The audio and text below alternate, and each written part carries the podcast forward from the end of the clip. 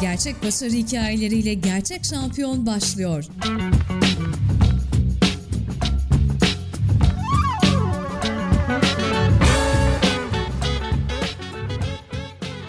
Gerçek Şampiyon'un yeni bölümünden herkese merhaba. Bu bölümde gerçekten çok başarılı bir sporcuyu konuk edeceğiz. Aynı zamanda girişimci, televizyon sunucusu, konuşmacı, YouTube'da içerikler üretiyor. Birçok farklı alanda sporu sevdirmek için birçok şey yapıyor. Ertan Balaban konuğum ve Ertan şu anda karşımda. Selamlar Ertan, hoş geldin. Merhabalar, selamlar. Hoş bulduk. Nasılsın? Hemen sorayım.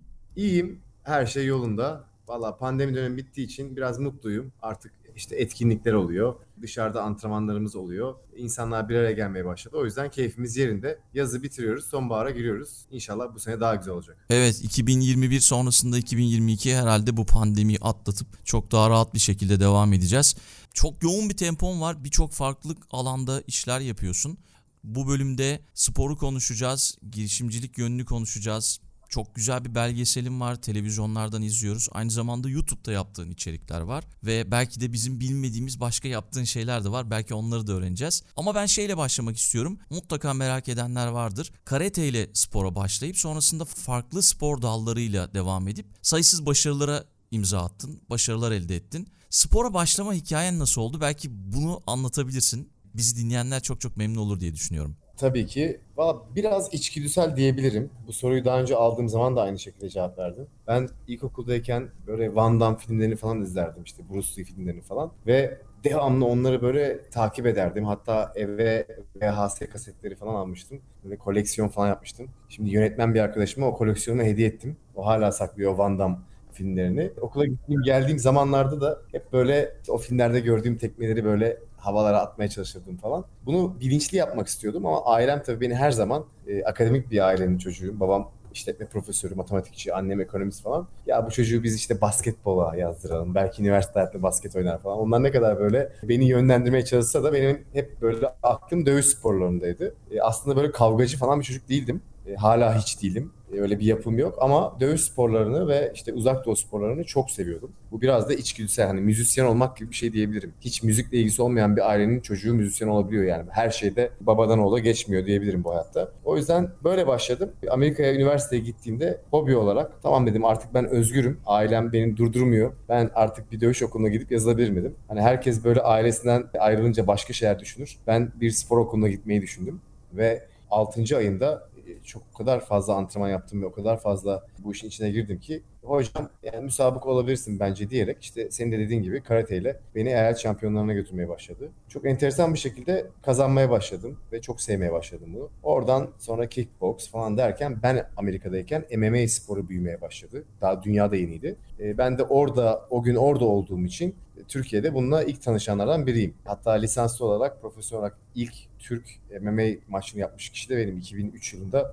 Yan eyaletinde. Ama tabii benden sonra çok kişi yaptı. E bunda da en büyük şans tabii ki orada olmamdı. Sonra bugünlere kadar geldik. 8 senedir falan müsabık değilim. Ama hala haftanın 4-5 günü antrenman yapıyorum. Müsabık bir sporcu gibi.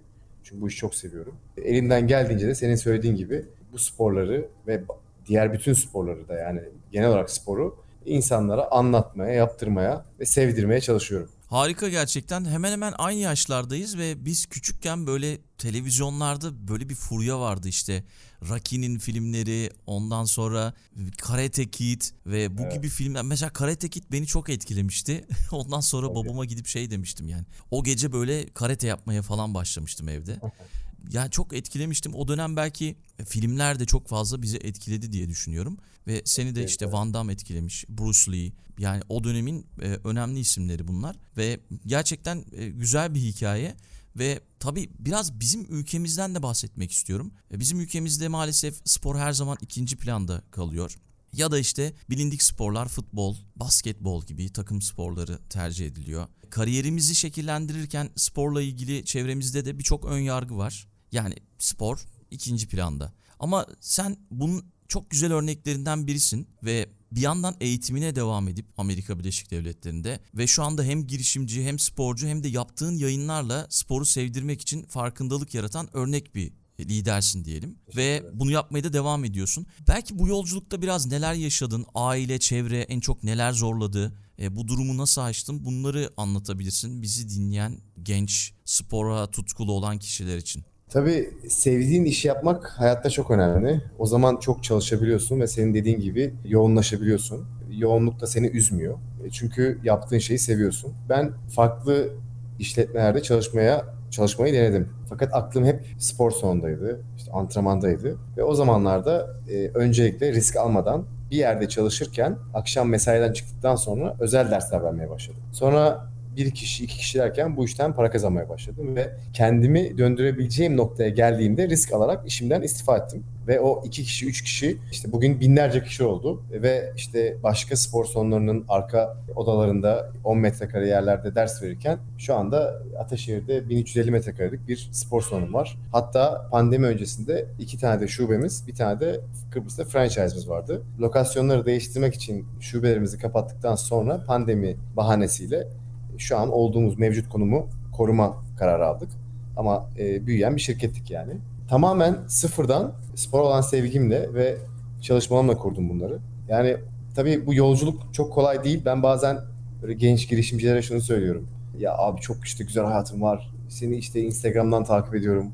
Ya ne güzel işte bak spor salonun var. Gidiyorsun dünyayı geziyorsun. Yani şükürler olsun müthiş gerçekten. Ama onlara şunu söylüyorum. Benim geçtiğim tüneli onlara göstersem ve desem ki bak bütün bu zorlukları görüyor musun? Hani ikiye böleceğim. Sen yine geç bu tünelden ve benim sahip olduğum her şeye sahip olacaksın. Yani belki 100 kişide bir kişi geçer o tünelden ben sana öyle söyleyeyim. Evet. Çok kolay bir tünel değildi. Ve tabii ben de bu tünelin ne kadar zor olacağını bilseydim belki ben de adımımı atamazdım. Sadece yolda artık buraya kadar geldik yani buradan geri dönmek olmaz. Devam etmeliyiz diyerek tünelin sonuna kadar geldik. Bugün geldiğim noktada yani hedeflediğim birçok şeye ulaştım ve daha da çok hedeflerim var. O yüzden kolay olmadı ama ilk başta aile demiştin. Ailem tabii ki aslında benim ne istediğime çok saygı duyan ve beni çok seven insanlar. E, Ama benim potansiyel, yani benim potansiyelim daha büyük gördükleri için belki de başka sektörlere girmemi ve Türkiye'de aslında bunun bir karşılığının olmadığını, özellikle dövüş sporlarının bir karşılığı olmadığını ki hala öyle bu arada söylediler ve beni o, o konuda korumaya çalıştılar. Valla benim içimdeki ateş o kadar büyüktü ki beni kimse durduramadı. İyi ki de durduramamış. Harika. Çünkü birilerinin bunu yapması gerekiyordu. Yani dövüş merdiven altı bir sporu olmadığını ya da ne bileyim ben belgesel yaptığım zaman dünyayı gezip aslında o insanlarla olan iletişimimi, e, o ülkelerde farklı insanlarla olan ortak yanlarımı ve bu sporları tanıtma adına yaptığım belgeselde de aslında agresif bir insan olmadığımı da görüyorsunuz. Birilerinin bunu anlatıp nasıl Rocky zamanında bize bir idol olduysa ki Rocky benim en büyük idolümdür. Sen de daha demin söyledin. Evet. E, bizler de belki film yaparak değil ama hem örnek olarak hem de belgesel yaparak hem de YouTube'da bazı içerikler yaparak insanlara ve gençlere bunu e, faydalı bir şekilde göstermeye çalışıyoruz. Harika gerçekten. Tutku çok önemli. Sevdiğin işi yapmak da çok önemli. Yani sevdiğin işi yapabildiğin zaman çok daha başarılı oluyorsun ki yine az önce söylediğim gibi bunun en iyi örneklerinden biri sensin.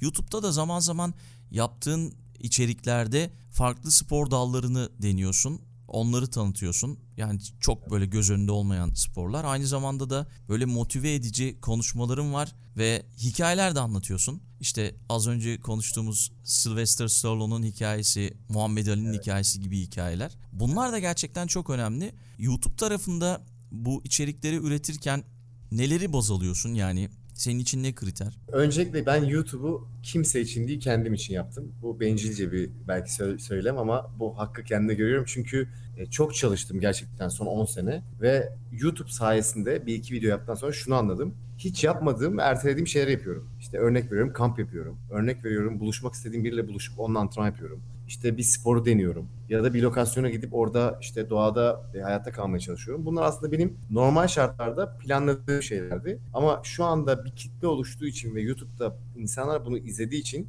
bir noktada tabii ki iş olarak tamamen görmüyorum ama iş olduğu için de bütün ertelediğim şeyleri yapmama vesile olduğu için YouTube'u çok seviyorum. Yola Harika. çıkarken öyle milyonlar izler bunu falan gibi böyle bir derdi yoktu. Milyonların izleyeceğini düşünmüyorum ama az sayıda bile izleyen insanın çok keyif aldığını, beni de hayatta bir şeyler yapmaya zorladığını düşünüyorum. E, o yüzden bir kere çok keyif alıyorum. Ama onun dışında da kendim e, nasıl motive oluyorsam şu anda Türkiye'de gençlerin O yorumlarda bana yazdıkları işte e, abi işte ben motive olamıyorum, spor yapamıyorum, doğaya gidemiyorum, bu nasıl başlayacağım bilmiyorum sözlerinden sonra etkilenerek her videomda onları aslında motive etmek, e, onları istedikleri şeyi yaptırmak için belki onlara maddi bir şey vermiyorum ama manevi bir şey vermek ve onları ileri itmek istiyorum. Bu da bana çok keyif veriyor. Güzel yorumlar alıyorum. Yorumlar alınca daha da motive oluyorum. Daha da fazlasını yapmak istiyorum. Böyle bir döngüye girdim. Yani umarım insanlara faydası olur. Çünkü ben bana faydası oluyor. Ben çok keyif alıyorum. Evet gerçekten hem böyle farklı sporları öğrenip öğretiyorsun ve aynı zamanda tabii ki orada hani maddi bir kazançtan çok daha fazlası var.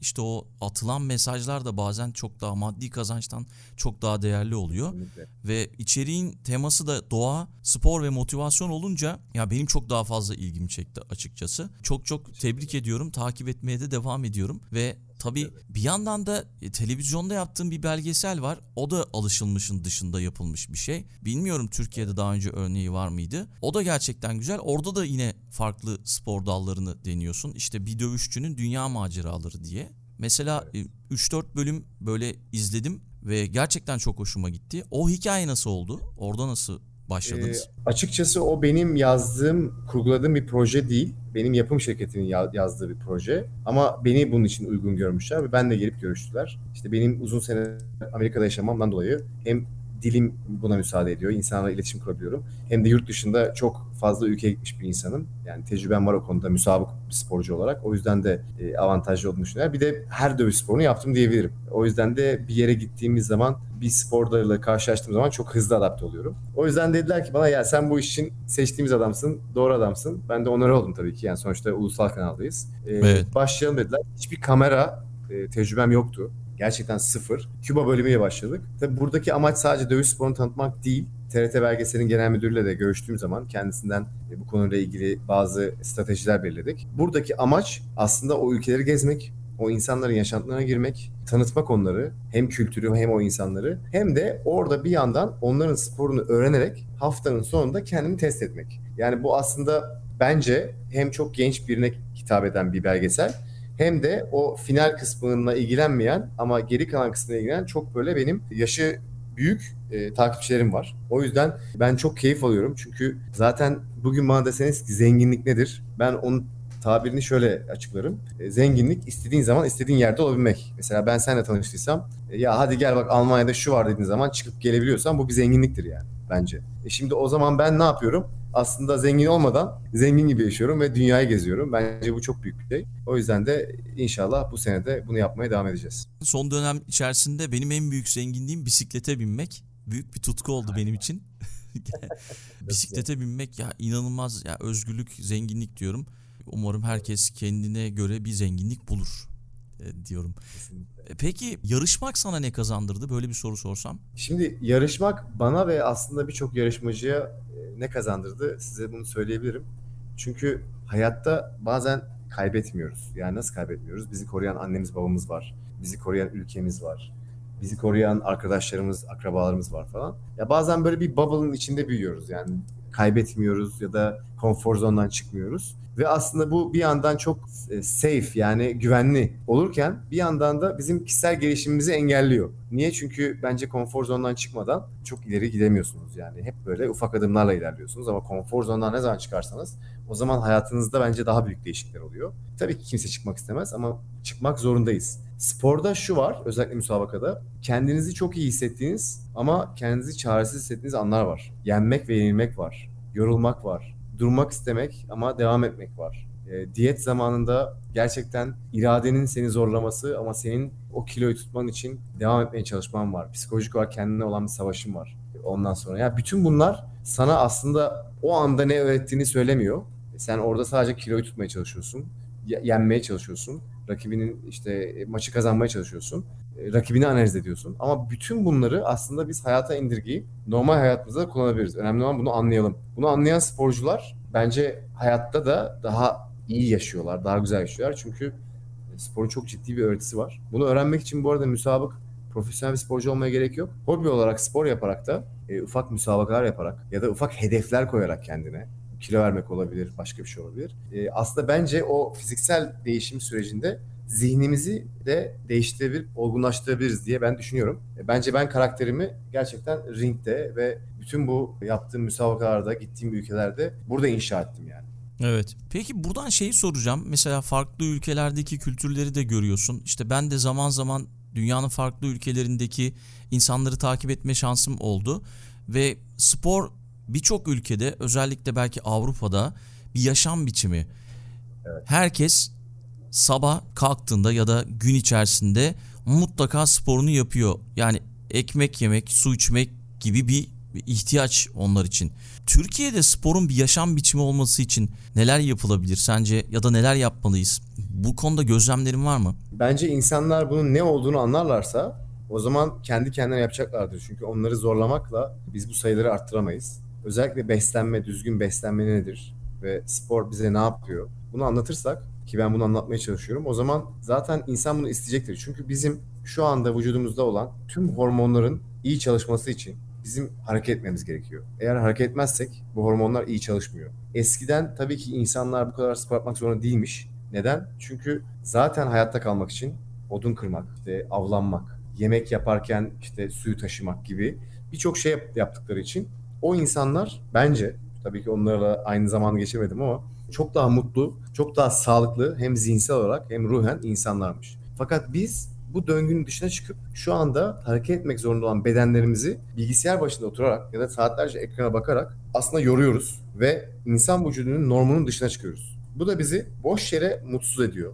Niye mutsuz olduğumuzu anlamıyoruz. Arkadaşlarımız, ailemiz bize diyor ki ya neyin var?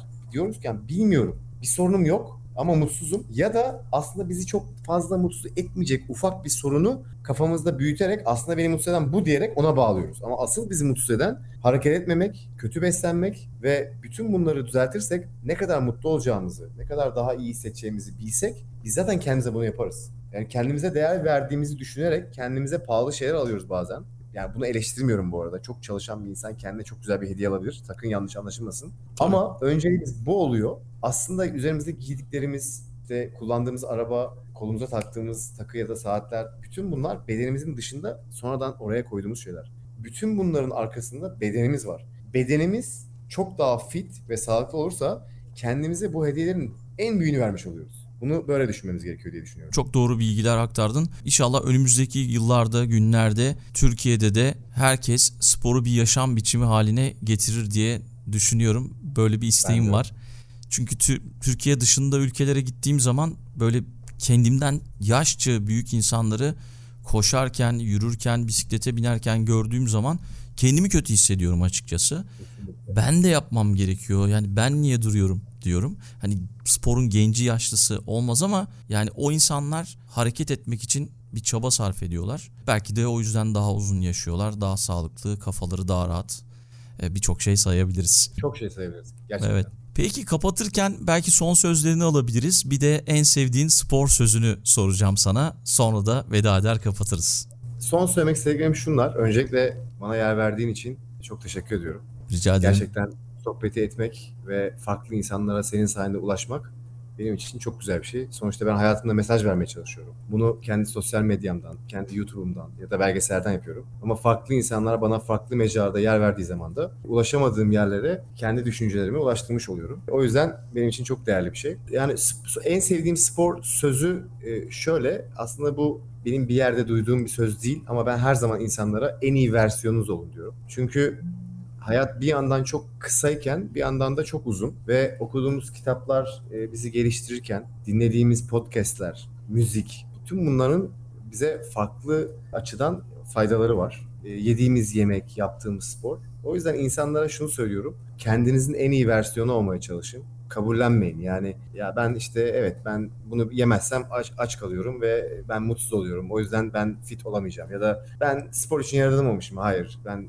yapmayacağım. Arkadaşlarım öyle değil ama ben böyle bir insan değilim gibi. Ya da ben okumayı sevmiyorum ya da ben şunu yapmayı sevmiyorum gibi. Kabullenmeler bence çok kendine ihanet olur. Ben çok zayıf bir çocuktum. Hiç dövüşçü olacak bir adam değildim yani. Açık söyleyeyim. Çok güçlü de değildim. Çok cesur da değildim. Ama kafaya koydum ve şu an etrafımda insanlar bana baktığı zaman ya işte sen genetik olarak nasıl bir adamsın falan diyorlar ama hiç öyle değil aslında. Ben kendimi bu hale getirdim. O yüzden kendinize haksızlık etmeyin diyorum ve kendinizin en iyi versiyonu olun diye konuşmayı bitiriyorum. Peki çok teşekkür ediyoruz katıldığın için gerçek şampiyona. Seni takip etmeye devam edeceğiz. Ben teşekkür ederim. Çok sağ ol. Dinlediğiniz için teşekkürler. Gerçek şampiyon sona erdi.